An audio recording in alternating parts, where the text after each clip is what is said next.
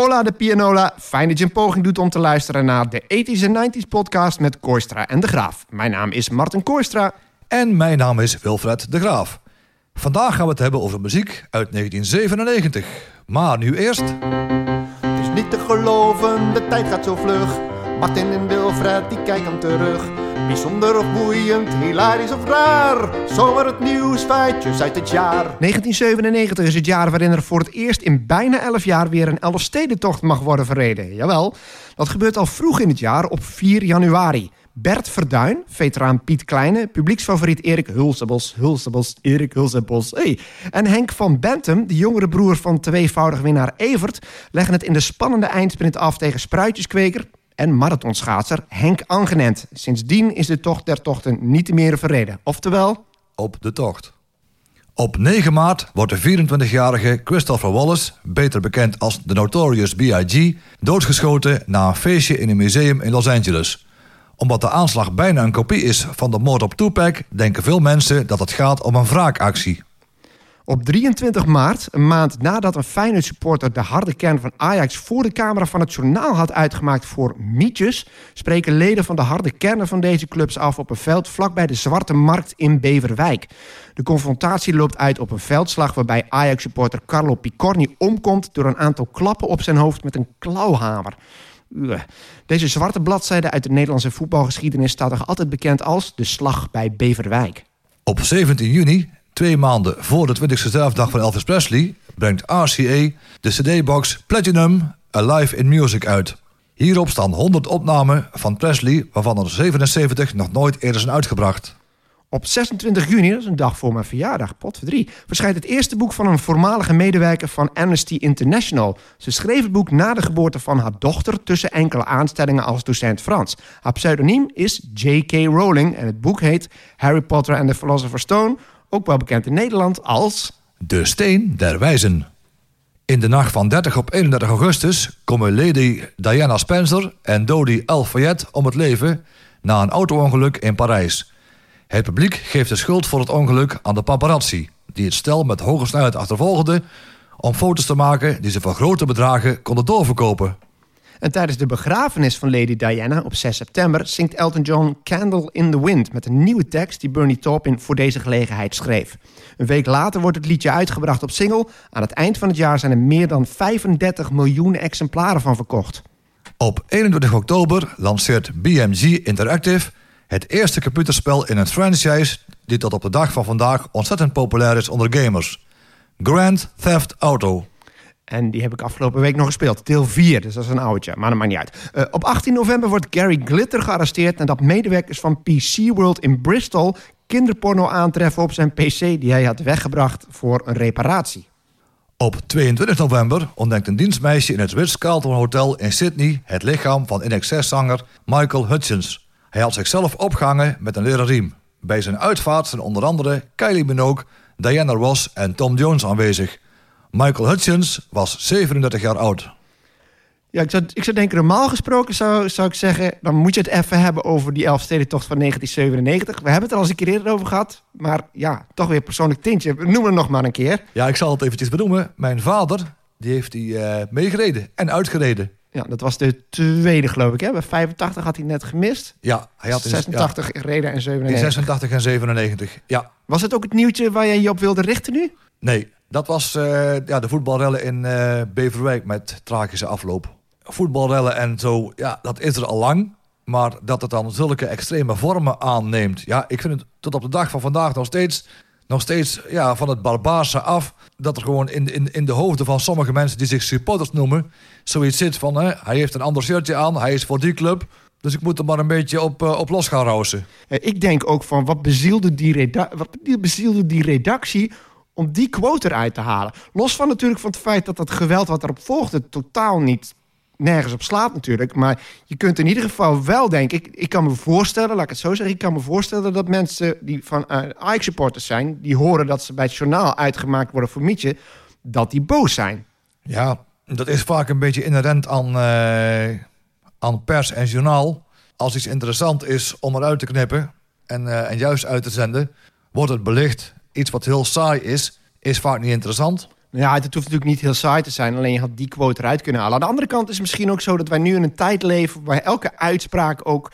eh, ja, elke uitspraak verkeerd kan vallen. Misschien dachten ze in die tijd van... ja, oké, het is een scherpe opmerking... maar eh, ja, hij zegt wat hij vindt. En eh, dat, wellicht kon niemand ook maar bevroeden... wat het voor gevolgen zou hebben. Ja, en waar ik dan moeite mee heb, is dat dan nog steeds heel veel Ajax-supporters Carlo Picconi een ware held vinden, omdat hij in zijn eentje op zo'n groep supporters afging. het is natuurlijk een soort slachtofferrol die je eruit kunt halen. Ik wil er ook niet te veel op schuldvraag ingaan, want er zijn twee partijen die schuldig zijn. Maar ik weet wel, eh, wij kennen allebei een fervente eh Feyenoord supporter nog vanuit ons dartverleden. En die haalde dat ook wel aan, dat dat in spreekkoren bij Feyenoord Ajax werd aangehaald. Dat die naam dan gescandeerd werd door Feyenoord supporters richting Ajax. Dus die naam is eigenlijk synoniem geworden met de haat en nijd die er is, vooral tussen Feyenoord en Ajax supporters. En dit, dit is wel een moment wat gewoon meer dan 25 jaar geleden nog steeds de gemoederen heel erg bezighoudt. Omdat denk ik ook een nieuwe generatie hooligans voedt om die haat voor die andere club, tussen, de haat tussen Rotterdam en Amsterdam, een beetje scherp te houden. Toch? Ja, want je ziet ook bijvoorbeeld toen de transfer van Steven Berghuis van Feyenoord naar Ajax. Maar ja, ik heb, ja, misschien ben ik maar een nuchtere Brabander, maar ik denk, het is zijn werk. En als hij op een ander bedrijf, hè, want een voetbalclub is een bedrijf, als je het daar beter denkt te kunnen krijgen, dan moet je dat doen. Ja, en misschien krijgen we wel meer reacties op, deze, op dit gesprek dan over alles wat we erin zetten. ik stel voor dat we een soort voetbalpodcast gaan doen in de toekomst. Maar laten we een stapje di- dichter naar naar de muziek gaan. Ehm, wat had ik ook alweer? Ik had ook iets bedacht. Ik moet het zelf weer opzoeken. Oh ja, eh, ook geen muziek trouwens. Harry Potter. Eerste boek van Harry Potter. Ik, ik, ik heb dat eruit gepikt omdat ik destijds eh, mijn opleiding voor leraar Engels deed. En ik moest Harry Potter en de Philosopher's Stone lezen. Ik had er nog nooit van gehoord. En dat was ook volgens mij 1998. Toen was dit boek net een succes. En dat viel dan onder jeugdliteratuur. En er werd gezegd, ja, dit is ontzettend populair. Ik, zeg, ik had er nog nooit van gehoord. En ik moest dat lezen. Nou, ik was toen dus eh drie of 23 eh, toen ik dat boek las. En ik heb na 20 bladzijden heb ik hem neergelegd. Ik vond er geen zak aan. Na 20 bladzijden waren ze nog niet verder gekomen dan... Ik weet niet of je Harry Potter gezien hebt. Die- Nee, Ja. nee, ik heb helemaal niks met Harry Potter. ik heb het Gelukkig. Daar Ik- kunnen we er nooit- kort over zijn. Ik heb nooit één regel eh, gelezen en nooit één seconde film gezien. Oké, dan ga ik gewoon een paar anekdotes eh, vertellen. En dan gaan we daarna meteen door met de muziek. Eén is, na twintig bladzijden in mijn herinnering... want ik heb het er nou net mee gelezen... was nog steeds die, die uil aan het rondvliegen. Het ging allemaal over dat hij rond die kerk rondvloog... en dat hij richting een brievenbus ging. Ik, ik dacht echt bij mezelf... welk kind heeft nou het geduld om twintig bladzijden lang... naar dit soort gelul te lezen? Ik was het beu, denk ik ga het niet lezen. En tweede is, ik heb ook bij de... want ik, al jaren, al meer dan 30 jaar eigenlijk... zo'n 30 jaar moet ik zeggen... kijk ik bijna elke film in de premièreweek. En ik ben eh, op zaterdagochtend tussen 10 en 11 was de première van Harry Potter. En nog nooit zat de grote zaal, was dat toen bij de Pathé, denk ik al, dat die bestond in Eindhoven. Zat die zo vol als bij die film. En eh, ik denk ongeveer de helft van het publiek was verkleed als een figuur uit Harry Potter. Ik dacht, waar ben ik in beland? ik moet wel zeggen, ik vond die film best goed. Die heb ik een 8 gegeven. En ik heb hem later nog een keer teruggezien. Toen vond ik hem nog steeds goed. Maar die boeken, niks voor mij. Maar eh, kom, eh, genoeg over literatuur en sport. We gaan het hebben over iets waar we echt verstand van hebben. Muziek. De Ethisch en Nineties podcast met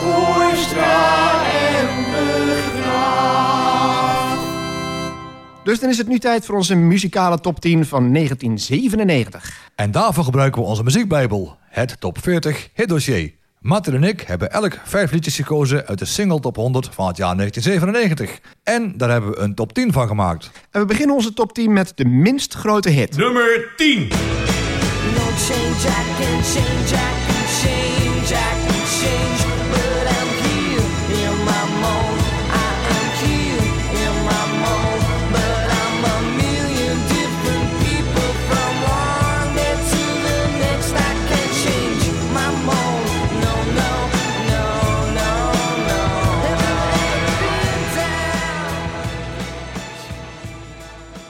The Verve, Bittersweet Symphony. Geschreven door Richard Ashcroft, Mick Jagger, Keith Richards en Will Malone. Behaalde 173 punten, stond 9 weken genoteerd... en bereikte plaats 11 in de top 40. Wilfred, je hebt al een, wij hebben het allebei al een keer aangehaald... dat verhaal over auteursrechten en dergelijke. Hè? Dit is een klassiek voorbeeld. We- weet jij nog een beetje hoe het zat of niet? Ja, alleen dat het eigenlijk door de Stones eh, geschreven, eh, geschreven is ja, en dat alle auteursrechten voor de Verf ze zijn afgenomen omdat het, de melodie is van een liedje van de Rolling Stones. Heel oud liedje, dat is veel sneller. Dat is echt meer van dit.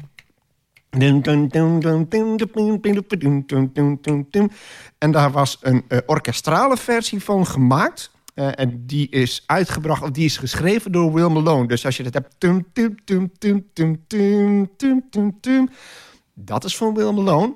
En daar is een slepende rechtszaak over geweest. En in 2019 hebben Mick Jagger en Keith Richard officieel de auteursrechten voor dit liedje overgedragen aan de leden van The Verve. Dus ik denk dan dat ze alles wat nu nog op Spotify en wat de radio wordt gedraaid, dat zij daar nu aan gaan verdienen. Want het, je, het is wel duidelijk, is natuurlijk daarvan afge, of gejat, zullen we zeggen, overgenomen. Maar alleen om het feit dat dat tempo heel anders is... en de melodie en de, de melancholische zang die er ook in zit...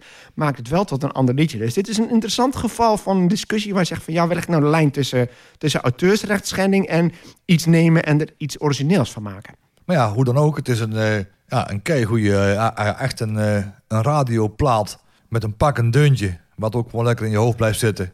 En uh, ja, ik zit natuurlijk een beetje in de, in de dance en zo. Het was ook heel erg succesvol uh, geremixed door uh, Mark van Dalen. En dat heette dan Waterverve. Ja, maar als we daar dan weer naar gaan luisteren... wat daar dus in zit, dat zijn die strijkers van Will Malone. Dus eigenlijk ja. is het niet gebaseerd... dat is dan weer het, het, aardige. Het is dus niet gebaseerd op de verve... hoewel het liedje dan weer wel heet Waterverve. Ja. Het is eigenlijk dus een sample van Will Malone's orkestrale versie van... wacht, moest even kijken. The Last Time. Ik had het liedje nog niet eens genoemd. Het liedje heet The Last Time van de Rolling Stones. maar ik moet zeggen, die vind ik, uh, dat vind ik een lekkere danceplaat.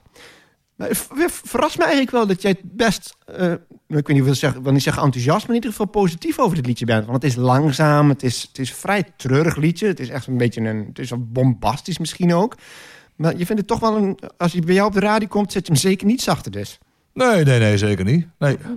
Maar goed, Bittersweet Symphony. Gewoon een heel vet, heel vet liedje. Als je hem nog niet kent, luister hem. Nummer 9. I get knocked down,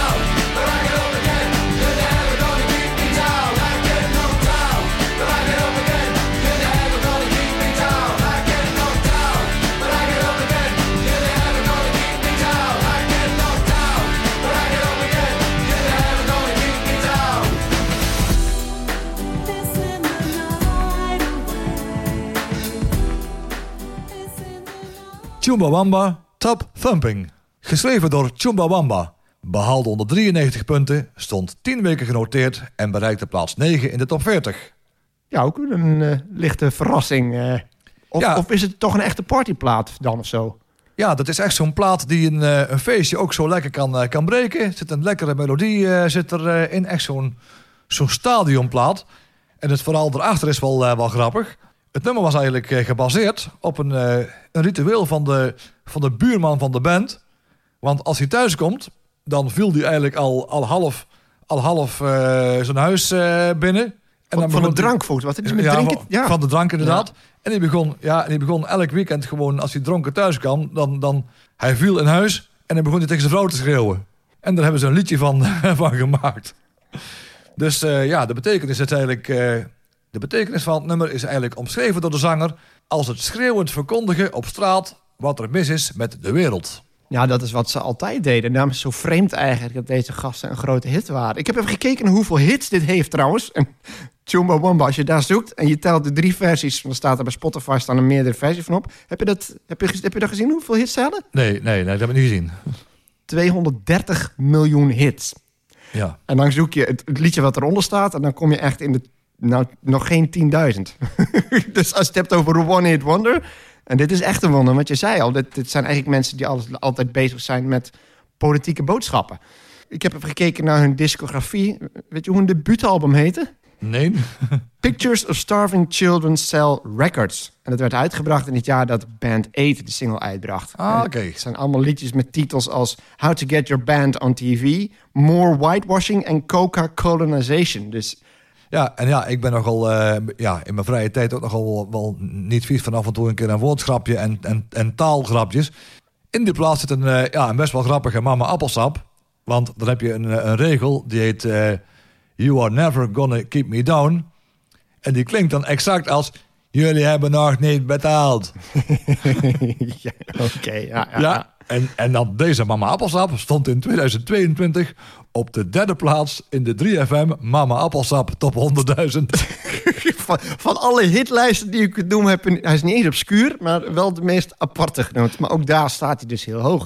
Van een band die eigenlijk alles wat commercieel is, daar strijdt tegen. Zeggen Coca-Cola Maar zijn wel goede muzikanten. Die hebben ook folk gemaakt en eh, heel veel verschillende muzikale invloeden. Maar het is best goed te beluisteren. Alleen ze zijn heel erg anti, anti-establishment. Ja, dit eh, liedje ja. is zo pro, is zo opgenomen door het establishment. Ja. Ze hebben in ieder geval aardig centje aan verdiend. Ja, en, en- Of ze dan nou wilden, dat weet ik niet. ja, en het nummer vind ik ook goede, ook goede, ja, goede hooks eh, zitten, er, zitten erin. En ook een mooi, eh, eh, een mooi bruggetje op een duur na zo'n...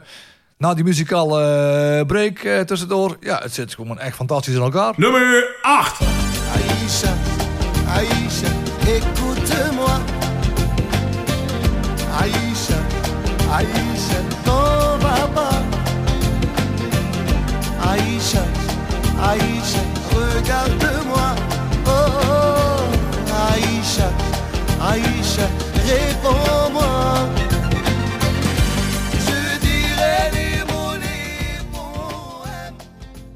Galet en Aisha, geschreven door Galet Haj Brahim en Jean-Jacques Goldman. Behaalde 225 punten, stond 11 weken genoteerd en bereikte plaats 10 in de top 40. En Galet die staat bekend als de koning van de rai. En ik, heb even, ik kende die term wel, eh, alleen ik weet niet precies wat dat is. Het is blijkbaar een muziekstijl die in Algerije is ontstaan. En eh, Galet die kwam zelfs uit Algerije in de jaren 20. En toen was eh, Algerije was echt een culturele smeltkroes... waar heel veel culturen bij elkaar kwamen. Dus er zijn heel veel elementen zijn daarin opgenomen. Eh, het was heel erg anti-establishment. Het ging vaak ook over, over drank en over, over gebruik van tabak. Eh, en dat is geüpdate in de jaren 60. En Galet was daar een van de drijvende krachten achter... die de volgende stap heeft gemaakt... door synthesizers en een drumcomputer toe te voegen. En hij is blij... Ik weet niet precies waar dit liedje, waar dit liedje over gaat. Is een liefdesliedje. Maar ook hij zingt over tabaksgebruik en over, eh, over drank. En eh, daarom is tegen hem een fatwa uitgesproken... waardoor hij in 1986 zijn land heeft moeten verlaten... en naar Frankrijk geëmigreerd is. Ja, dus dat is een beetje raai. En wat mij verbaast... hoe kan het eigenlijk dat dit niet is doorgebroken? Want ik vind dit nog steeds een uitstekelijke, aanstekelijke, heerlijke radioplaat... maar enig in zijn soort volgens mij, toch? Ja, ik denk het wel, want hij is nog te onbekend eigenlijk om te kunnen draaien op een 90s feest. eh, zo. Terwijl qua kwaliteit en zo, ja, het is een lekker zwoel nummer wat echt door, door, door, door de subtiele instrumenten helemaal gedragen wordt. Ik denk wel dat misschien eh, veel mensen nog te weinig kennis hebben van de Franse taal in Nederland om precies te weten waar het over gaat. Want ja, het enige wat ik volgens mij kan verstaan is eh écoutez-moi. Dat betekent volgens mij eh, Luister, naar mij. Ja, dat is Ja. En wacht, regardez-moi. Kijk naar Kijk mij. naar mij, Ja, ja. ja. ik had een vier in de tweede voor Frans, maar regardez-moi, dat weet ik nog wel. ja. Laat ik het iets breder trekken dan. Want toen ging ik ook denken van... welke Afrikaanse muzikanten kennen we nog... die het wel gemaakt hebben? Denk toen meteen aan Wes. Meest voor de hand liggende. Ja, Alane. Dat is acht- 98 volgens Ja. mij. En ik weet niet eh, waar eh Leila K. vandaan komt. Eh, Oeh, dat weet ik niet. Ik, ik dacht zelf aan Ovra Haza. Omdat ik dacht, oh, die ziet er Egyptisch uit. En ik had ook die videoclip Ja. van Imnin Halou voor in gedachten. En voor mij waren daar piramides. Maar tot mijn verbazing komt hij uit Israël. Ja. Rosalla, ja. Eurodance. Maar zij komt uit Zimbabwe. En, Dat is natuurlijk wel een grootheid. En Youssou N'Dour heeft, heeft één grote hit gehad met Nene Cherry... maar is wel iemand die binnen de wereldmuziek heel hoog aangeschreven. Maar noem nog eens iemand. en zou misschien eh, Afrika Bambata ook daadwerkelijk uit Afrika komen? Nee, dat niet. Afrika Bambata, dat was wel in de periode dat de hip-hop begon. Dus dat was heel erg ging dat over de, de eigen identiteit van met name de Amerikaanse bevolking, de zwarte Amerikaanse bevolking. En die wilde heel duidelijk het, eh, een link leggen met de roots. Van wij, ons volk komt uit Afrika oorspronkelijk. Dus vandaar dat het woord Afrika naar voren kwam. Dus dat weet ik zeker. Maar verder, we hebben het ook allemaal over artiesten uit de jaren negentig nu, hè? Ja. Hoe kan dat? Heb jij daar een verklaring voor? Daar wil ik wel eens een gesprek met je over aangaan. Hoe kan het dat die muziek eigenlijk nooit echt tot de hoge regionen van de top 40 meer doordringt? Vandaag de dag bedoel je? Nou ja, ei- eigenlijk deze hele, deze hele eeuw nog niet, voor zover ik weet. Je zou denken van dit is een doorbraak. Ja, want ja, het is een uitstekend... Het is geen, geen feestplaat, maar het is een uitstekende radioplaat. Nee, maar je zou eigenlijk haast zeggen van... dat door het internet eigenlijk alle landsgrenzen die, die, die, die vervagen. Dus je zou zeggen dat er dan juist meer, meer kans is om te beluisteren. Ja, is het dan misschien toch dat ook daar het gevolg van is... dat steeds meer eh, radiozenders ook op internet zich richten op een bepaalde muziekstijl? En dat misschien toch eh, het, witte bastion, zullen we zeggen, van 3FM en 538... dat daar dan vrij weinig aandacht is voor muziek uit andere culturen. En dat je daarvoor naar... eh. Ja, er zijn, ik kan even niet... eh Funk X is... Nee, dat is hem niet. Maar je hebt een aantal van die, van die middelgrote radiozenders... die specifiek eh, wat meer exotische muziek, laat ik het zo zeggen, draaien. Het zou kunnen. Kortom, we hebben daar geen antwoord op. Nee. Eh, ik ik vind dit wel, ik vind dit gewoon echt een fantastische radioplaat. En ik, ik kan niet zo goed tegen dat gejengel. Maar dit vind ik geen gejengel. Ik vind het hier mooi. Dan bedoel je dat... Weet je wel? Ja, dus ik zou zeggen, noem de naam nog één keer. Khaled Aisha. Hij heeft trouwens meer liedjes. Nsi, Nsi en eh, apostrof SSI. Lekker liedje trouwens, als je die luistert. Nsi, Nsi. Dat deed mij denken aan Incognito. Nummer 7. They say still, I choose gold.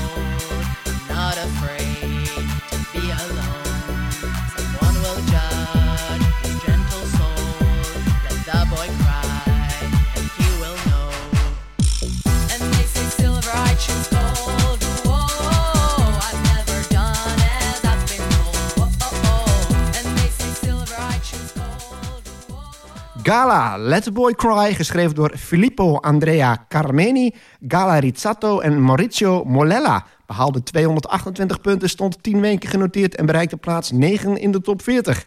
Ja, als men zegt Gala, en ik weet niet hoe dit komt, dan is natuurlijk die andere hit, Ja. de grootste hit, die heb ik bewust niet gekozen. Dat is degene waar iedereen haar nog van kent. Freed from Desire.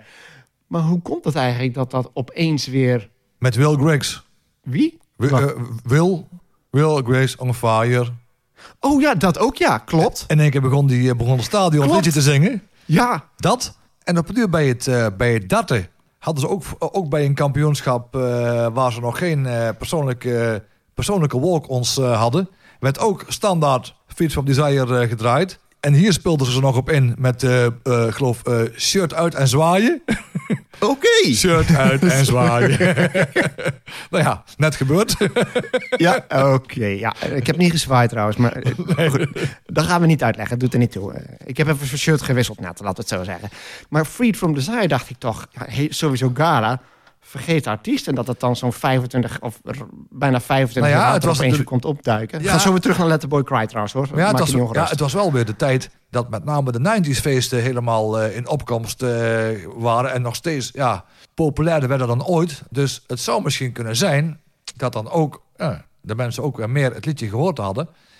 En dat het dan weer opgepikt eh, werd.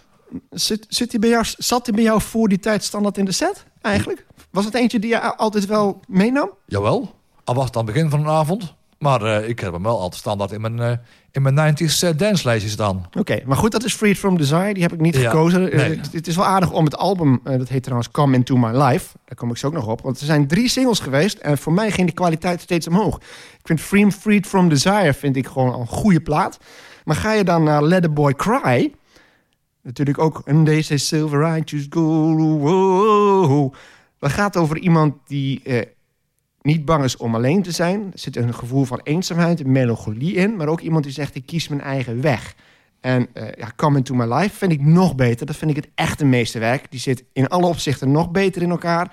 En dat is echt een tekst die mij wel persoonlijk raakt. En dat merk je niet vaak bij dit soort liedjes. Terwijl het heel erg euforisch is, hè? En het mooie van Let the Boy Cry vind ik dus... eh, daar heb je de formule die ook een beetje bij Freed eh, From Desire zit. Je hebt een couplet. En het couplet herhalen ze letterlijk. Ja. En dan komt het refrein. En het tweede couplet ook twee keer achter elkaar gezongen. En desondanks verveelt het niet. Maar blijft wel hangen. Alleen ik snap wel dat Spirits from Desire, dat, dat net wat makkelijker dan het, eh het refrein van eh, Let the Boy Cry. Klopt, het is een, het- ik vind het wel sterk. Het is min of meer dezelfde formule, maar het is geen kopie. En natuurlijk, Nee. ja, het is makkelijker om te zingen. Na na na na na na na na na Ja, ja, na, ja, ja. na, na, dan. They say silver, choose gold. Oeh, oeh, oeh. Maar ik kan het, eh, die drie singles moet je echt eens luisteren. Freed from Desire, Let the Boy Cry. Echt fantastisch liedje. En het absolute meesterwerk, maar die is, eh, staat gewoon niet in de single top 100. Die is niet verder gekomen dan 34. In mijn ogen, Come Into My Life. Dus Gala is meer dan Freed from Desire. Daar ging het mij eigenlijk om. Nummer 6.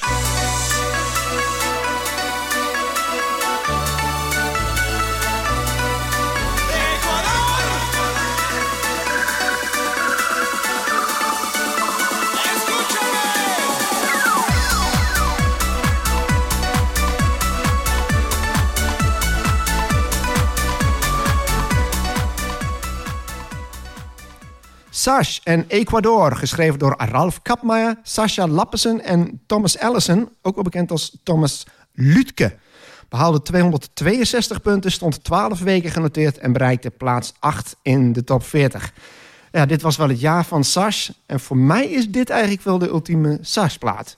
Is dat Ja. voor jou ook zo trouwens? Ja, voor mij ook. Ik, zit, ik zat te twijfelen. Ik dacht misschien encore une fois. Maar toch niet dus. Ben, ben benieuwd naar jouw reden. Waarom is dit dan ook voor, ook voor jou eigenlijk de ultieme Sash-plaat? Ja, omdat ja, naast echt helemaal de, de, de, de inhoud... kijk ik ook wel eens naar van hoe een, kla ja, hoe een plaat als totaal klinkt. En Ecuador, ook in mijn auto, ja, dat klinkt geweldig. Dan heb je echt ook zin om even flink gas te geven. En dan hoor je ook al die, al die laagjes. Die laagjes hoor je over elkaar heen. Ja, dat heb ik meer als met, eh, als met eh, Encore une fois. Maar Encore une fois is ook weer wat anders. Ook wel lekker opzwepend, maar toch anders. Ja, ik denk dat dat meer een clubplaat is. Je zei net, eh, Ecuador is lekker voor in de auto, vind ik ook. Vind ik juist een raampje open, armpje naar buiten plaat.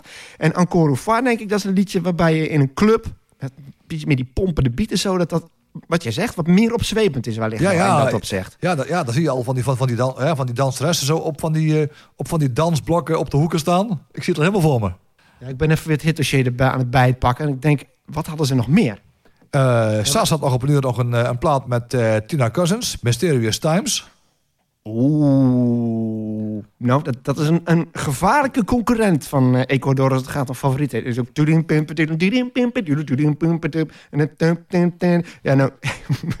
het allemaal nazingen van de electro, dat schiet niet op, hè. Maar die vind ik wel heel erg vet, Mysterious Times. Even kijken hoor. Encore une fois. Eh, Stay met eh La Trek. Zeg mij niks trouwens. Stay. Ik weet dat die begint met Stay. Come on and stay. Oké. La Primavera. Dat vond ik een beetje een, eh, meer een lounge plaat, zou ik maar zeggen. Mysterious Times. ja. Ja, ja. Ma Baker. Wacht, dat moet ik even kijken. Ja, want Boney M versus Sash. Ma Baker. Dan denk ik, hey, dat lijkt me nou typisch iets voor jou. Ken je die versie? Ja, die heb ik volgens mij wel eens eh, gehoord. Want Saas deed ook, eh ook remixen. Want, want ik, heb, eh, ik heb ook, als het nog draaibaar is, een, een remix. De, de, de Saas remix van It's My Life van Dr. Alban. Oké. Je zegt als hij nog draaibaar is, staat hij dan op een of ander fout illegaal dingetje? Of is Oh, het een veelgebruikte Nee, CD-single? hij staat waar- nog op, nee, hij staat nog op, een, op zo'n recordable cd'tje ergens. Oké. Heb je die dan ook wel eens gebruikt, die versie? Ja, in Club 106. Ah, oké. Ja, even terug naar Ecuador. Ik heb één persoon nog niet genoemd en die moet ik toch eventjes noemen. Eh, ik had er nog nooit van gehoord. Ik heb hem ook op papier staan. Maar eh, de officiële titel op sommige plekken is Sash featuring Rodriguez. Dat is die gast die dan het... En natuurlijk roept Ecuador. En die is ook te horen op Adelante. Een latere single. En daar bijna niet te horen trouwens dat hij dat is. Maar die heeft wel wat dingetjes gedaan. Dus die typerende stem die je er hoort... toch eventjes ook ere wie eer is. Want ik denk dat de herkenbare van Ecuador... is dat Ecuador natuurlijk... eventjes een kleine shout naar Rodriguez. Nummer 5.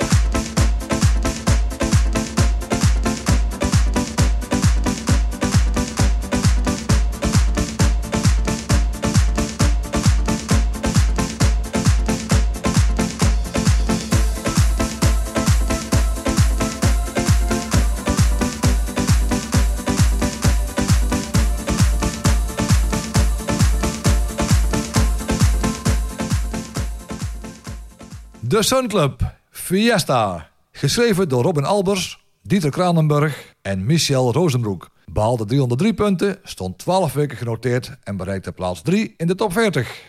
Ja, volledige titel is blijkbaar Fiesta de los Tamborilleros. Maar wist jij dat? Eigenlijk, ik heb het nu opgezocht. Ik, ik ken hem alleen als staat- Fiesta. Ja, het staat volgens mij officieel zo op de, op de CD Maxi. De plaat heeft eigenlijk één deuntje, maar toch vind ik hem niet vervelen. Ja, dat is eh, goed samengevat. En dat is ook een beetje wel typerend voor Robin Albers, hè? Ja, ja. die, ja, ja, dat komt ook terug een beetje in, eh, in Plastic Dreams. Ja, die vind ik wel op de, die, die versie van 9 minuten. Denk ik op een gegeven moment was een boem, boem, boem, Ja, boem, boem, boem. En dan piri, piem. Maar goed, we hebben het nog niet over Plastic Dreams. Maar hier zie je wel een pro- probleem dat we hadden met... eh, we hebben gezegd, we gaan geen One Hit Wonder special doen. Want is Robin Albers een One Hit Wonder? Eh, nee, want Plastic Dreams, eh House Top 100 hè? Is een, Ja, daar- zeker. staat hij Ja, bijna elk ja, jaar op nummer 1. En ook dus eh, een van de mannen achter de Sun Club. en die plaat die kreeg heel veel aandacht van, eh, ja, van muziekzenders eh, eh, TMF en eh, MTV. En voor een deel was het succes te danken aan de videoclip. Dat werd opgenomen met een eh, zo'n 16 mm eh, film. Ja, ik zat te denken, was daar de videoclip bij dan? Ja, die werd helemaal met, eh, met allerlei poppetjes, met allerlei poppetjes en zo werd die in elkaar gezet. Ergens in een, in een vage kelder in, eh, in Amsterdam-Zuid. Hij, werd wel, hij werd wel helemaal onder, de, onder leiding van een eh, echt een, eh, een cineast werd hij gemaakt. Ah. Jacques de Koning en fotograaf Jan van der Laar. En die, ja, die, die, waren al, eh, die waren al bekend van, eh, van de Icon. Omdat hij een aantal animaties gemaakt hadden met Barbie-poppen. Oh, stop motion. Zeg maar, zelfs bijvoorbeeld Reed Petit van Jackie Wilson. Dat beetje dat Ja, idee. ja, Alleen dan daarmee niet met klei. Nee, ja, daar zou ik een beetje mee kunnen vergelijken. En eh, ja, toen ze dus... eh, Opeens begint het mij iets vaag voor Ja. de geest te komen, nou je dat zegt. Ja. ja. zie je ook helemaal zo'n club, zo'n club nagebouwd. En dan eh, wat, Mhm. dat, dat ze binnenkwamen, een paar, een paar van die brede gorillas voor de deur. Maar toen die mannen dus gevraagd werden voor de videoclub van Fiesta... kregen ze echt voor de creatieve invulling... kregen ze helemaal carte blanche. Dus ze mochten zijn gang gaan. Ja, ik denk ook dat ze zullen gedacht hebben... wat moeten wij voor video... althans de, de componisten, hè, Robin Albers en Cornuiten... dat die gedacht, pardon, dat die gedacht hebben... ja, wat, wat moeten we hier voor video doen? En Ja. Laten we in ieder geval iets creatiefs doen. Ja, precies. eh, Doe ja. iets creatiefs om Ja. op te vallen. Ja, want alle, ja, want alle, alle decors werden door de makers eh, ter plekke bedacht en ook, eh, en ook uitgevoerd. En alles werd beeld voor beeld opgenomen. Totaal werden ongeveer 20.000 beelden gemaakt. En, de- en ik denk nog steeds van, ja, het is gewoon slim bedacht. Want als je niet weet hoe een plaat zoals die, wat die, wat die gaat, gaat doen... dan ga je, dan ga je geen, geen tienduizenden euro's, of ja, toen de tijd guldens... ga je steken in een dure videoclip. Maar even terug naar het liedje. Hè? Want jij begon ook met te zeggen dat het eigenlijk een redelijk eentonig liedje is. Dat er weinig variatie in zit. Eh, los van alles eromheen, want we hebben het gehad over het netwerk en de video en zo. Er moet toch ook iets zijn in het liedje dat aanslaat. Ik bedoel, je kunt een geweldig Ja. videoclip maken, maar als het liedje niks is, wordt het geen hit. Ehm, ja, het was wel gewoon een, het deuntje hetzelfde, maar je hoort wel dat er wel een soort van, een soort van opbouw in zit. In, in de beats die eronder zitten. En ook op een duur zo'n zo'n basje die. Volgens mij duurt het een minuut voordat de bassdrum erin komt. Ja, Dat, dat vond ik al heel erg opvallend. Een, een, dansliedje waar de eerste minuut gewoon geen bassdrum in zit. Dus dan begint het eigenlijk pas. Dan denk ik, ja, dat is misschien ook wel een liedje waar... als je veel te ouwe hoeren hebt als discjockey... dat is wel een voordeel. Ja. Kun je een minuut lang door het intro lullen. Misschien is dat ook wel een voordeel geweest. ja, want al zou ik vandaag de dag het liedje moeten namaken. Het apparaat wat ik hier heb, eh, heb staan met 64 van die, eh, van die touchpads. Dus ik ga het erop wagen. Ik ga even opstaan en dan kom ik naast jou staan. Ik hoop niet dat dat te veel van te horen is, maar ik kom, er, kom eraan. Kijk, het apparaat wat ik hier heb, eh, heb staan met, met 64 van die touchpads. Dan zou ik dus op één zo'n, eh, op, onder één zo'n pad zou ik daar gewoon de complete melodie kunnen maken. En dan zou ik de fluitjes, het jeppa, de beats en alles onder andere toetsen. En dan kan ik het helemaal live zo, zou ik het helemaal zo kunnen, kunnen spelen. Ja. Het liedje is overigens twee keer opnieuw uitgebracht. Ik was daar eentje even vergeten. Er is nog een, een versie uit eh 98. Die is niet Ja. verder gekomen dan de tipparade. En er is Nee, nog dat- een 2007 remix. Het verschil met de 97 versie was dat het eh, een vocale versie was. In 1998. Oké. Dan had je natuurlijk ook nog Summer Jam. Ja, en Summer Jam heeft waarschijnlijk Fiesta nog een extra boost gegeven. Omdat Summer Jam was gewoon de mega-hit, de mega-hits als je op Stad om zijn eh, in, in die tijd eh, liep. En dan kwam ik eh, heel vaak toen de tijd. Dan liep je en dan hoorde je zo, hoorde je misschien wel op, op acht verschillende plaatsen dat, dat, ja, dat je op een ander gedeelte van Summer Jam. dat je insprong met, met, met deuren die open stonden op, op straat. Toch? Ja. Maar wel grappig, want jij zegt, er was dus ook, want jij zei een vocale versie daarvan. En dan denk ik meteen aan Summer Jam. Maar er was dus ook nog een oorspronkelijke vocale versie. Ja, en die heeft een, eh, een beat vanaf het, eh, vanaf het begin. En ja, daar wordt een beetje zo, ja, zo wel losjes overheen gezongen In het Engels? in het Engels. Ja, Oké. Ja, misschien wel, ja, misschien wel door een Nederlandse zangeres. Weet niet zeker overigens. Maar eh, Goed, ik ken hem niet, nee. ja. Na, na, na, na, na, fiesta. Ja, ik, ook, ik word ik niet van wijs van. Maar ik ga hem wel luisteren. Maar eh, dit is dus een hit gebleven. Is het ook nog eentje die nog... Ik vind hem een beetje vlak. Het lijkt me geen feestplaat. Vreemd genoeg hoe het Fiesta heet. Maar wat is jouw... Ja, dat is wel ironisch, maar... Nou ja, het, is, ik- is toch niet echt een 90s plaat? Niet, niet misschien vroeger een inloopplaat? Nou ja, ik zou het misschien nog kunnen... Ja, echt om vanaf het begin aan te draaien... zou ik vandaag de dag zeggen eh, nee. Maar ik zou bijvoorbeeld wel... Hè, als, je vandaag, ja, als je met, eh, met drie spelers eh, aan het draaien bent... en je hebt op een uur een break van een plaat waar, een, eh, waar je een loopje van maakt... dat je misschien bijvoorbeeld nog een minuutje of zo... lekker een deuntje, een deuntje erin, erin, erin laat...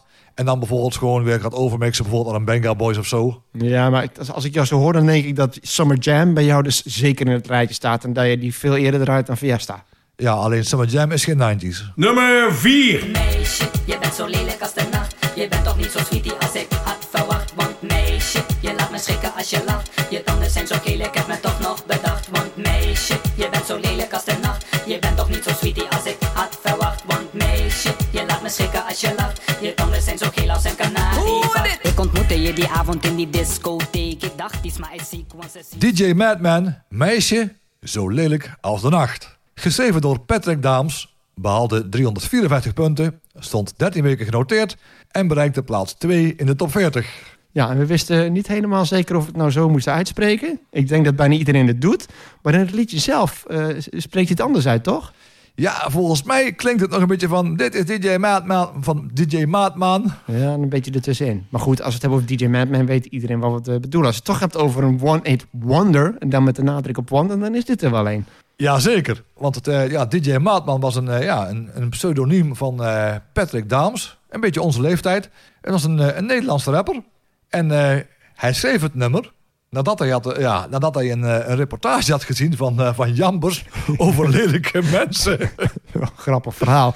Wacht, Paul Jambers. Dus misschien luistert er een jongere generatie die Paul Jambers niet kent. Want die is al heel lang is die weer uit het zicht verdwenen. Wat kun jij je nog herinneren van Paul Jambers en dat programma Jambers? Ja, dat Paul Jambers zocht altijd eh, personen op die op een of andere manier heel bijzonder waren. Dan, en dan was het altijd mooi, dan had hij zo'n typische stem en dan ging het echt zo van... eh, overdag was hij een, een hele getrouwe magazijnier. En s'avonds, wanneer de duisternis inviel, verhulde hij zich in vrouwenkleden, vrouwenkledij in het, bellen- in, het- in het nachtleven. Hoor ik daar Pim Voortuin? ja, kan. Ja, het was een beetje, beetje heigerig, maar net nog binnen de grenzen van de goede smaak, zullen we zeggen. Ja, het, ja, ja, ja. Maar er keken wel ontzettend veel mensen naar. was, het was een fenomeen inderdaad. Wat- Ik Niet, keek er- niet, ja, niet ik- voor niks dat hij ook werd nagedaan door... eh, wie was dat ook weer?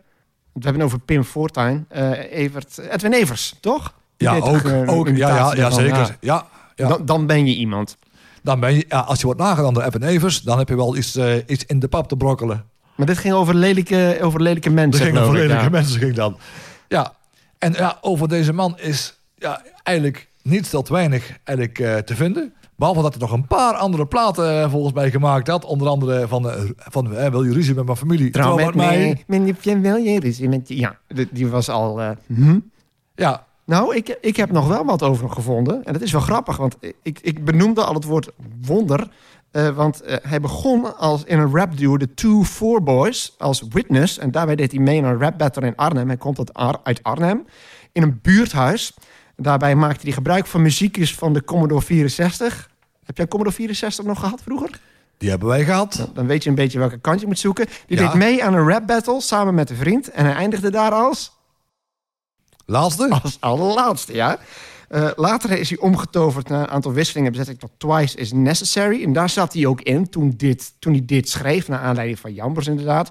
Eh, dat is toen gedraaid op een plaatselijke bubbling party. En daar sloeg het zo in dat hij ermee naar een, een, een platenmaatschappij is gegaan. En bubbling, ja, ik denk, ik kende die term, maar ik wist eigenlijk niet wat het was. Maar het is eigenlijk heel simpel. Bubbling is gewoon eigenlijk eh, seks, dansen. Dus met de geslachtsdelen een beetje zo langs elkaar wrijven. En dat schijnt bubbling te zijn. Heel simpel dus. Tussen alle eh, ja, serieuze, eh, serieuze rapplaten, zo, hè, bijvoorbeeld hè, I'll Be Missing You, is weer een stuk ander eh, kaliber dan, dan dit. Is het wel gewoon een plaat met wat, ja, met wat, wat humor, vind ik dan. De muziek was wel zijn tijd wel vooruit, want, qua, want als je dan luistert naar tegenwoordige platen qua ritme, die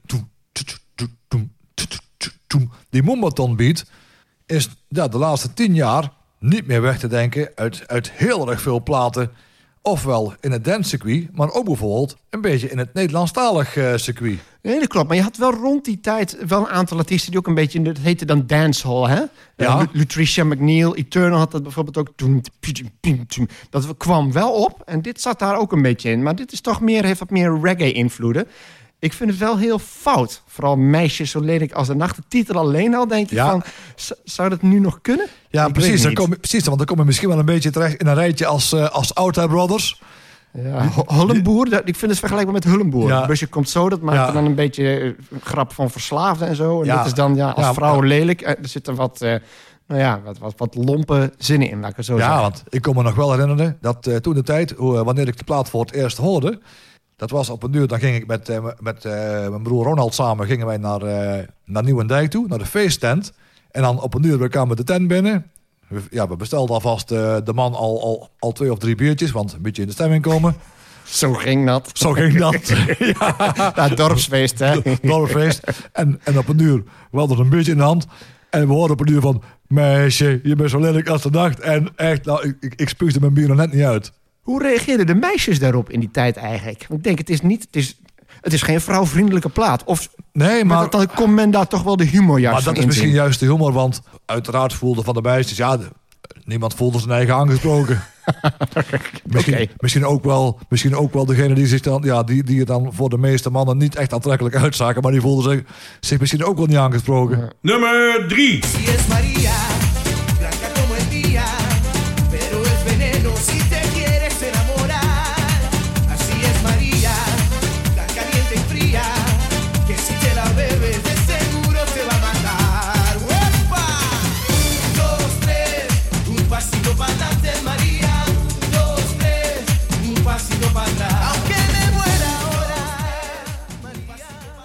Ricky Martin, Maria. Geschreven door Ian Blake, Carl Cameron Porter en Louis Gomez Escolar Roldan. Behaalde 381 punten, stond 15 weken genoteerd en bereikte plaats 5 in de top 40. Ja, dat is weer andere koek als, eh, als DJ Maatman. Ja, een beetje vergelijkbaar met, uh, met Miss Machine eh, qua achtergrond, vind ik. Want de oorspronkelijke versie, die heeft ook meer, wel wat meer van die, ja, van, van, die, van die invloeden. En eh, ja, echt de hitversie, dat is eigenlijk een, eh, een remix gemaakt door een eh, lokale DJ, Pablo Flores. En die maakte er een, een, ja, een helemaal uptempo samba deuntje van. Ja, en het nummer kreeg dan ja, echt onder de muziekcritici hele positieve recensies. Is dat dan ook de versie die, die deels Engels is? Dat is die versie, denk ik. Ja, Ja, ja, maar ja, je hebt inderdaad diverse versies. Want je hebt ook nog, dat staat er op zo'n CD-single of CD Maxi, staat er dan eh Spanglish. Als er dan, eh, twee, plaat, als er dan twee, eh, twee talen worden gebruikt. Dat zal het zijn, ja. En dus oorspronkelijk zal die wel in het Spaans opgenomen zijn. Oké, dan is het in ieder geval Spaans dus. Ja, want eh, wat ik dan niet verwacht had, want ja, ja het, eh, het nummer werd wel, ja, het nummer, zeker de remix, die werd door, eh, door Rolling Stone gerangschikt als een van de grootste Latin popnummers aller tijden. Hoezo, wij- hoezo verbaast je dat? Hoeveel echte Latin pop helden kun je nog Ja. noemen? Ik noem dan weer Miss Machine. Kom dan. Ja, want ik dacht misschien ja, dat die critici misschien de muziek wat, wat- ja, misschien wat te eenvoudig, te eenvoudig eh, vonden. Oh, het was niet- was niet gebaseerd op de verkoopcijfers, die lijst. Nee, Oh, oké. Oh, oké. nee, maar het was een, eh, een soort van crossover van Latin en dancemuziek. Ja, en Enrique, eh, hij had al trouwens, ik, ik zeg Enrique, dat komt omdat, eh, ik heb dat zijn is- volledige naam voor me. Zijn volledige naam is eigenlijk Enrique José Martin Morales. Ricky Martin dus afgekort. Die had al een hele carrière achter de rug. Want hij zat eerst in een, in een boyband waar ik nog nooit van gehoord had. Maar eh eh, zelfs de naam nog even opzoeken. Menudo. het, het, het grappige is, ik heb daar wat foto's van gezien. Die hebben een album 1984 en daar staan ze dan op. Daar zit hij er nog net niet bij. Maar die lijken echt sprekend op de New Kids on the Block. En dat was, die heeft van 1977, ik geloof dat ze nog steeds bestaan. In totaal eh, 31 leden. En de regel was, je moet tussen de 12 en de 16 jaar zijn. En als je 16 bent, dan wieberen we jou. en daar was hij frontman van. Vanaf 1984, toen was hij 12 jaar oud. Eh, en eh, dus één album heb ik een stukje geluisterd uit 86. Dat heet Refrescante. Nou, dat heb ik na drie liedjes afgezet. Dat is echt... eh, nou ja, dat, dat, ik bedoel, dat zijn kinderen, Ja. kinderen van 12, 13 jaar. Nee, Maar dat was dus Ricky Martin. Hij had, vanaf zijn zesde was hij al bezig voor de camera's. Ja. Vanaf zijn twaalfde al in de muziek. En, da- en toen kwam in één keer eh, Maria kwam, eh, kwam opdagen. En die stond eh, bovenaan de hitlijsten in 20 landen. En wereldwijd meer dan 5 miljoen fysieke exemplaren verkocht. En waarmee het, het, Guinness Book of, ja, het Guinness World Record voor de grootste hit eh, werd verdiend. Is dit ook voor jou de Ricky Martin plaats? Stel dat iemand aan jou vraagt van op een 90s party. Nou, wacht, nee, laten we zeggen een 90s of noughties party. Nee, hij is zij goed. zit daar een beetje om, hè? Ja, en maar, iemand zegt, ja. draai eens iets van Ricky Martin. Zou ik waarschijnlijk wel eh, Maria draaien. Ja, Oké, dus niet Liva la Vida Loca of La Copa de la Vida. Is ook een leuke plaat. Ja, het, het zijn allemaal leuke platen, maar eh, ja, Maria is de meest, eh, is de meest bekende. Toch wel, oké. Ja, want ik, want ik twijfel zelfs nog of, eh of Live in La Vida Loca... is dat ook nog eh, dit millennium of eh, vorig millennium? Eh, nou ja, mei 99. La Copa de la Vida was in 1998 ook Oh, het, lied, het lied van het WK. Samen met, eh, hoe heet het ook weer, van Carnaval de Paris. Dat Oh waren, ja, dat waren ja. de, de twee liedjes van het WK. En als iets Ja, bij precies. het WK gedragen wordt, dan wordt het een voetbalanthem, zou je zeggen. La Ja, Copa de la Vida. Ja, precies. eh. met, met Ricky Martin is het eh, ja, ook gewoon een totaal plaatje. Ja, het, is een, eh, het is gewoon een mooie man die een, een aanstekelijk deuntje zingt wat swingt als een trein. En met, die, met die ervaring wist hij ook gewoon al op hele jonge leeftijd hoe hij zich moest, moest presenteren. Want die, Ja. die groep die heeft in, eh, in Latin-Amerika, waar die razend populair, daar, daar verkochten ze stadions uit. En ze zeiden toen ook al, toen hij in die band zat, dus dat was echt eind jaren tachtig, waren er heel veel mensen die zagen van die jongen die gaat het maken. En dat heeft dan dus nog tien jaar geduurd eigenlijk voordat hij het echt heeft gemaakt. En je kon zien, als je hem in de clip zag en de manier waarop hij zich presenteerde, dit is iemand, dat is niet iemand die zomaar voor, eh, voor het publiek wordt gegooid. Je zag gewoon, het is een doorgewinterde veteraan al. En dat helpt. Daarom denk ik ook dat hij zo lang nog aan de top blijft. En voor mij treedt hij nog steeds op. Ik denk het wel. Nummer 2.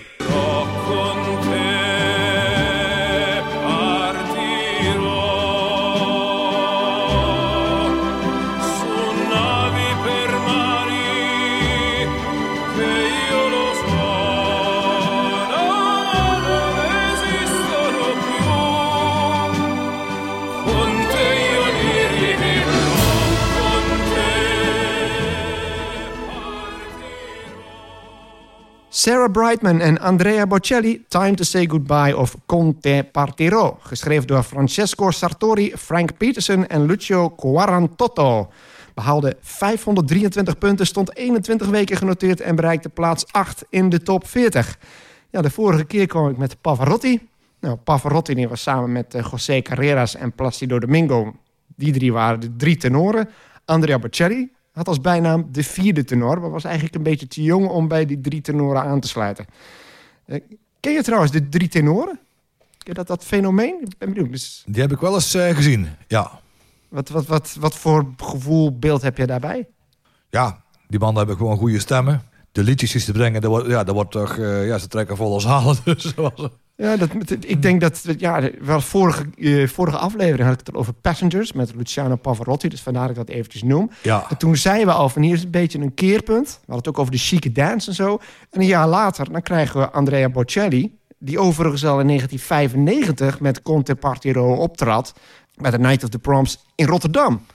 Night of the Proms, dat was midden jaren 90, was dat ja, wat de toppers later is geworden. Ik moet lachen, want dat is iets totaal anders. Ja, die, die- die- ja die- ik wil al zeggen, die, eh, die pakken zien er iets anders uit. Ja, maar het was wel het idee wat we nu ook hier in Eindhoven hebben met Groots met de Zachte G. Van dat soort concertreeksen. De eerste die ik me daarvan kan herinneren, die echt dat, dat niveau had. Los nog van de dancefeesten die je ook rond die tijd had.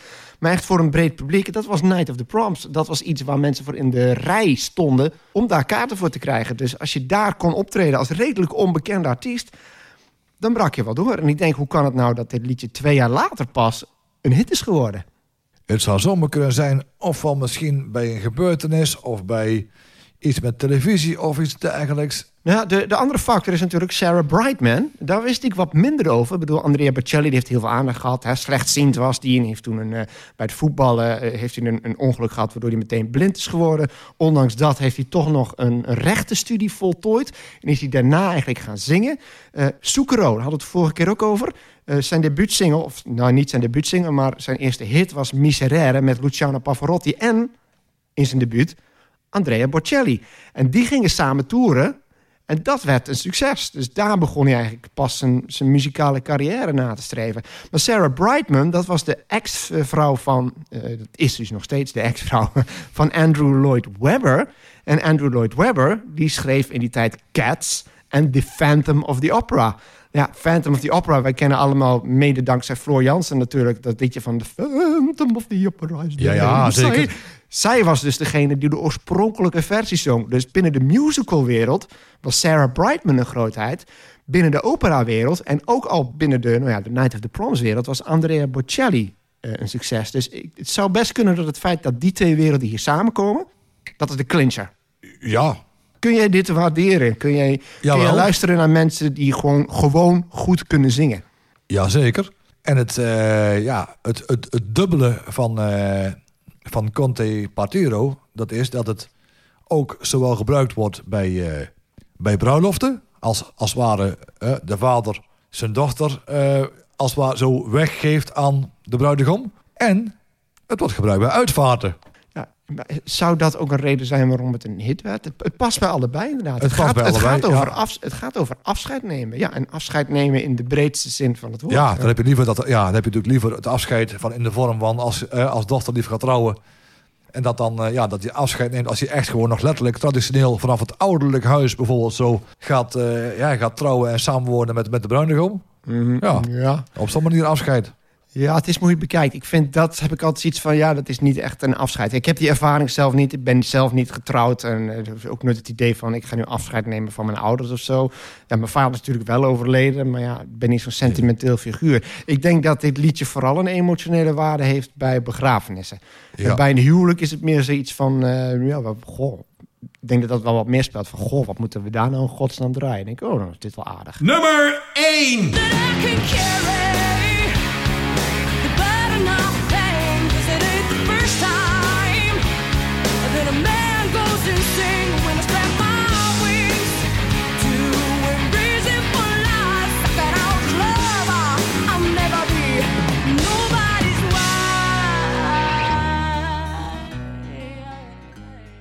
Anouk, Nobody's Wife. Geschreven door Anouk Theeuwen, Bart van Veen en Satendra Kalpoe. Behaalde 545 punten, stond 20 weken genoteerd en bereikte plaats 2 in de top 40. Scheurende gitaren en jij hebt hem gekozen. Geweldig. Ja, ook het eh, totaalplaatje. Een beetje bij de intro nog lekker een beetje nog redelijk ingetogen. Een rustig gitaartje, hup, de beats komen erin. En op een duur, als dan er, eh, het refrein komt, dan op een, op een mooie, subtiele manier hoor je die op de achtergrond. ja, hoor je die gitaartjes erbij zo. Ja, Ik vind het wel grappig dat je het over beats hebt. Dat heeft- Ik ben- ja. beats- De drums komen erin. de ja, Je maakt het toch, de je, maakt het toch weer, je denkt weer als een, als een DJ. ja, ja. ik zal het is de beat, maar ik denk gelijk beat. Het is toch Ja. geen bandplaat? Ik wil zeggen, ja, het, komt, eh, het, zijn, het, het zijn beats, maar ze komen, niet, maar ze komen uit een drumstel. Je hebt hem dus niet gekozen voor de variatie. Je hebt hem echt gekozen omdat je het echt een goede plaat vindt. Ik vind het ook echt een goede plaat. Eh, ja, zeker. Draai ik ook wel. eh, staat ook gewoon standaard in mijn, in mijn 90s eh, lijst. Waarom deze rockplaat dan wel? Terwijl jij toch, dat is mijn indruk in ieder geval hoor, toch ook wel regelmatig eh, zoiets hebt van eh, Ja, scheurende gitaren. ja, dat komt omdat eh, misschien het totaal van, ook van het, eh, van, van het vocale gebeuren. Dat het net wat, ja, een wat vriendelijke karakter eh, heeft. Ook qua, ja, en net wat, wat minder agressief klinkt. Als bijvoorbeeld een Silskin. Ja, ik- ja. mm. Nou ja, ik vind, het, Anouk heeft wel behoorlijk wat power in de stem. En de Golden Earring zit hierachter natuurlijk, hè, de productie. Barry Hay, en, eh, die ook de, haar ontdekt hadden. Want ze trad een keer op in 1995, eh, deed ze een gastoptreden bij Barry Hay. Die, hebben toen nog, die is toen samen met eh, George Kooijmans... eh, ze, ze hebben toen een liedje geschreven, Mood Indigo. Dat heeft net de top 40 niet gehaald. Goede plaat trouwens. En toen kwam deze, ook weer met dus de, de begeleiding van, van de, de helft van de Golden Earring. Ja, precies. eh, de, de Golden Earring, eh, dat zijn de, de, de, de pioniers eigenlijk van de Nederlandse rockmuziek. En Anouk is een blijvertje gebleken, hè? Je zou zeggen, Ja, ja. Ik denk dat veel mensen in die tijd dachten van... leuk, geinig liedje, houdoe en bedankt. Ja, precies. Hè? Want in het uh, ja, uh, Nobody's Wife, daarmee wil ze eigenlijk het verhaal vertellen. Hè? Een, beetje, een beetje als, uh, hoe, hoe zeg je dat, van, van, van, van als zelfstandige, zelfstandige vrouw. Zo wil ze dat Ja, ja, doen overkomen. Sorry, ja. ik zat er met een naam in hoofd. Skunk Anansi, ken je nog? Ja. Dat een beetje, daar vond ik het mee vergelijkbaar. Dat Ja, is iets wat wel typisch was voor eind jaren negentig. En toch is zij gebleven. Wat, wat, wat is de kracht? Wa- Heb je daar een verklaring voor? Waarom, het, waarom zij eigenlijk nog steeds een van de topzangeressen is Ja, in eh, Nederland en daarbuiten? Nou ja, het zou misschien kunnen zijn dat, eh, dat misschien toch wel, misschien wel veel meiden zich wel een beetje wilden identificeren met eh, Anouk. Mhm. Anouk is eh, nog steeds trouwens, als ik op een, eh, op een feestje aan het draaien ben, als er wel eens meiden zijn. Oh, mag ik een, een liedje meezingen? Echt, 9 van, de ti- negen van de 10 keer is het nummer van Anouk. Waarbij met name Girl en ook Michelle, is dat ook niet van haar? ja, ja, Michelle, Star in Heaven. Dat, Ja. dat klinkt dan ook als een begrafenislied. Ik ken het niet. Is dat Ja. een single? Ik ga het even opzoeken. Ja, die heeft, ja, is, is, heel erg, eh, is heel erg populair eh, bij, het, eh, bij het karaoke gebeuren. Ja, ik, ik denk ook dat ze nooit... ik, bedoel, dit, ik heb die videoclip nog eens bekeken van Mood Indigo. Daar zie je wel een, een mooie vrouw. Maar ook een, iemand die... Je, je proeft wel meteen, misschien met terugwijkende kracht... iemand die echt is. Ja, en ik zie nog altijd de beelden voor me van, eh van Pinkpop 1998. Dat toen zij opkwam en ook eh, dat er een liedje gespeeld werd. En na enkele seconden kreeg ze een ei, een ei tegen zich aangegooid op de, op de shirt. En zonder blik of blozen trekt ze zo de t-shirt eh, uit, gooit het in het publiek. En gewoon in, in, een, mooie, in een mooie rode eh, BH. Ja, het stond daar goed. Dus ja, ze kon het hebben. Dus, dat dat ja, soort momenten kunnen je, kunnen je carrière ook maken of breken. Hè? Misschien Ja. dat dat ook wel heel Ja. erg haar geholpen heeft, maar, zo'n moment. maar echt zo van, ja, hallo, je gaat mijn dag niet verzieken met, eh met een klote ei. Hier, Ja. Hoe heet die gast ook weer van Bacardi Lemon? Mart Ja, Hoogkamer. ik was hem al bijna vergeten. Ik weet dat daar zijn beelden van dat die op een podium staat en dan wordt er bier naar hem gegooid. Dan dreigt hij van, ja, dan ga ik stoppen hoor. Dat is nou precies waar je niet moet doen. Gewoon doorgaan. Dan, je moet ook het respect verdienen. En dat doe je niet door heel snel het podium eh, af te lopen. Maar eh, toen de tijd zag ik ook, ja, de- met, die, eh, met die beelden van Pinkpop eh, 1998. Ja, ze voelde zich op zo'n groot podium meteen eigenlijk als een, als een vis in het water. En eh, ja, en die heeft gewoon ook netjes eh, gewoon de, de setje eh, gedaan. Kijk, wanneer Cressip was, was dat ook rond die tijd. Want zij kwam dus van de Rock Academy. En die bestond nog niet zo lang. En ik denk dat zij ook wel door haar succes een van de ambassadeurs is geworden. Kijk, Cressip, nee, Cressip was 2000. Die, die waren toen al wel bezig met de opleiding, denk ik. Maar die zijn toch ook in de voetsporen van Anouk getreden. Ook vanuit de, de Rock Academy. Dus Anouk heeft ook de Rock Academy op de kaart gezet. En je wil niet weten hoeveel succesvolle artiesten eh, in Nederland afkomstig zijn of een achtergrond hebben bij de Rock Academy. Ja, Ja. Maar Anouk heeft een gigantisch... Want jij noemde iets met Star, maar dat staat niet in haar hitlijsten. Star Nee. in Heaven of zo? star in heaven. You're a star in heaven.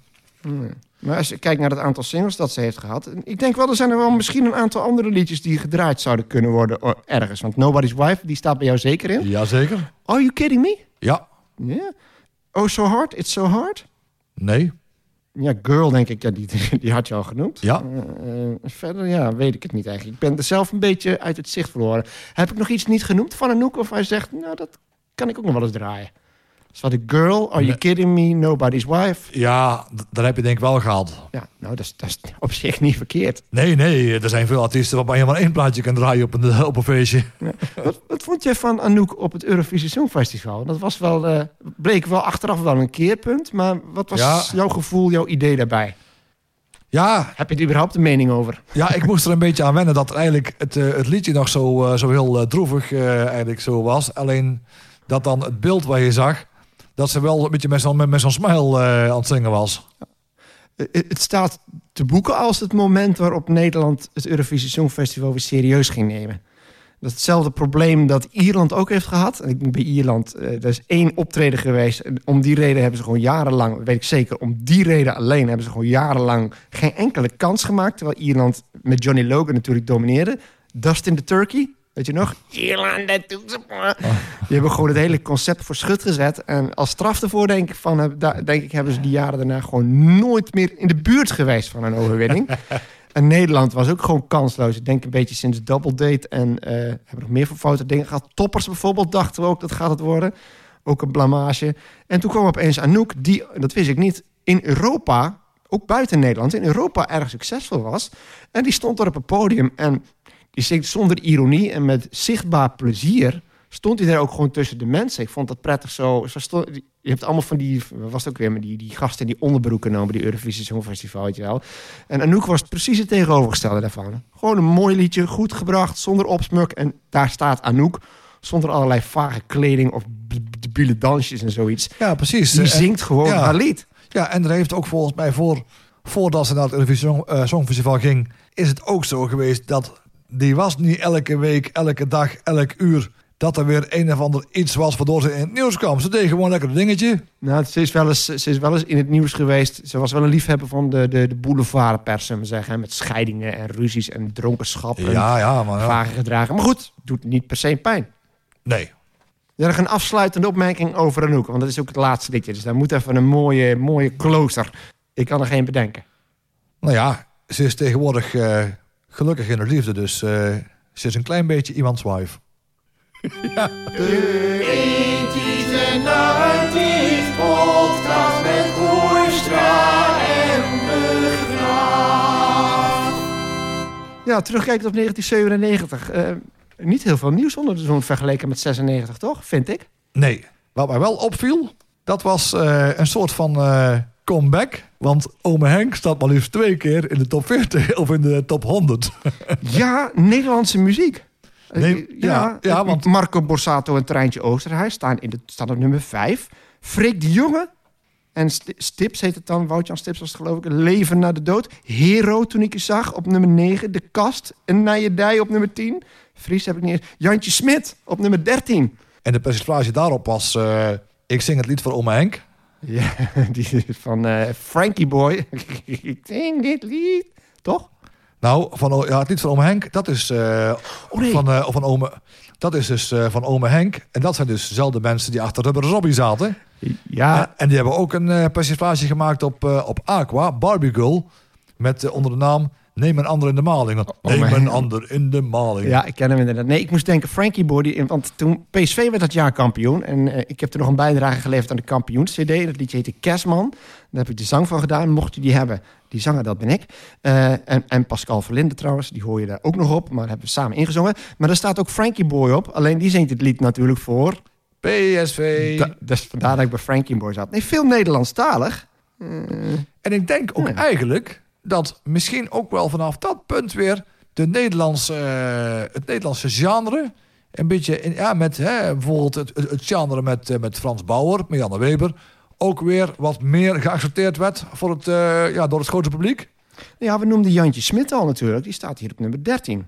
Ja, ik vind het zelf persoonlijk een vreselijke plaat. En, en dan vraag je misschien af van waarom. Ja, ik vind het nooit zo, zo geloofwaardig klinken als dan zo'n mannetje met zo'n, met zo'n hoge stem van die zinnen gaat zingen waarvan je duidelijk hoort dat hij die nooit zelf bedacht zou kunnen hebben.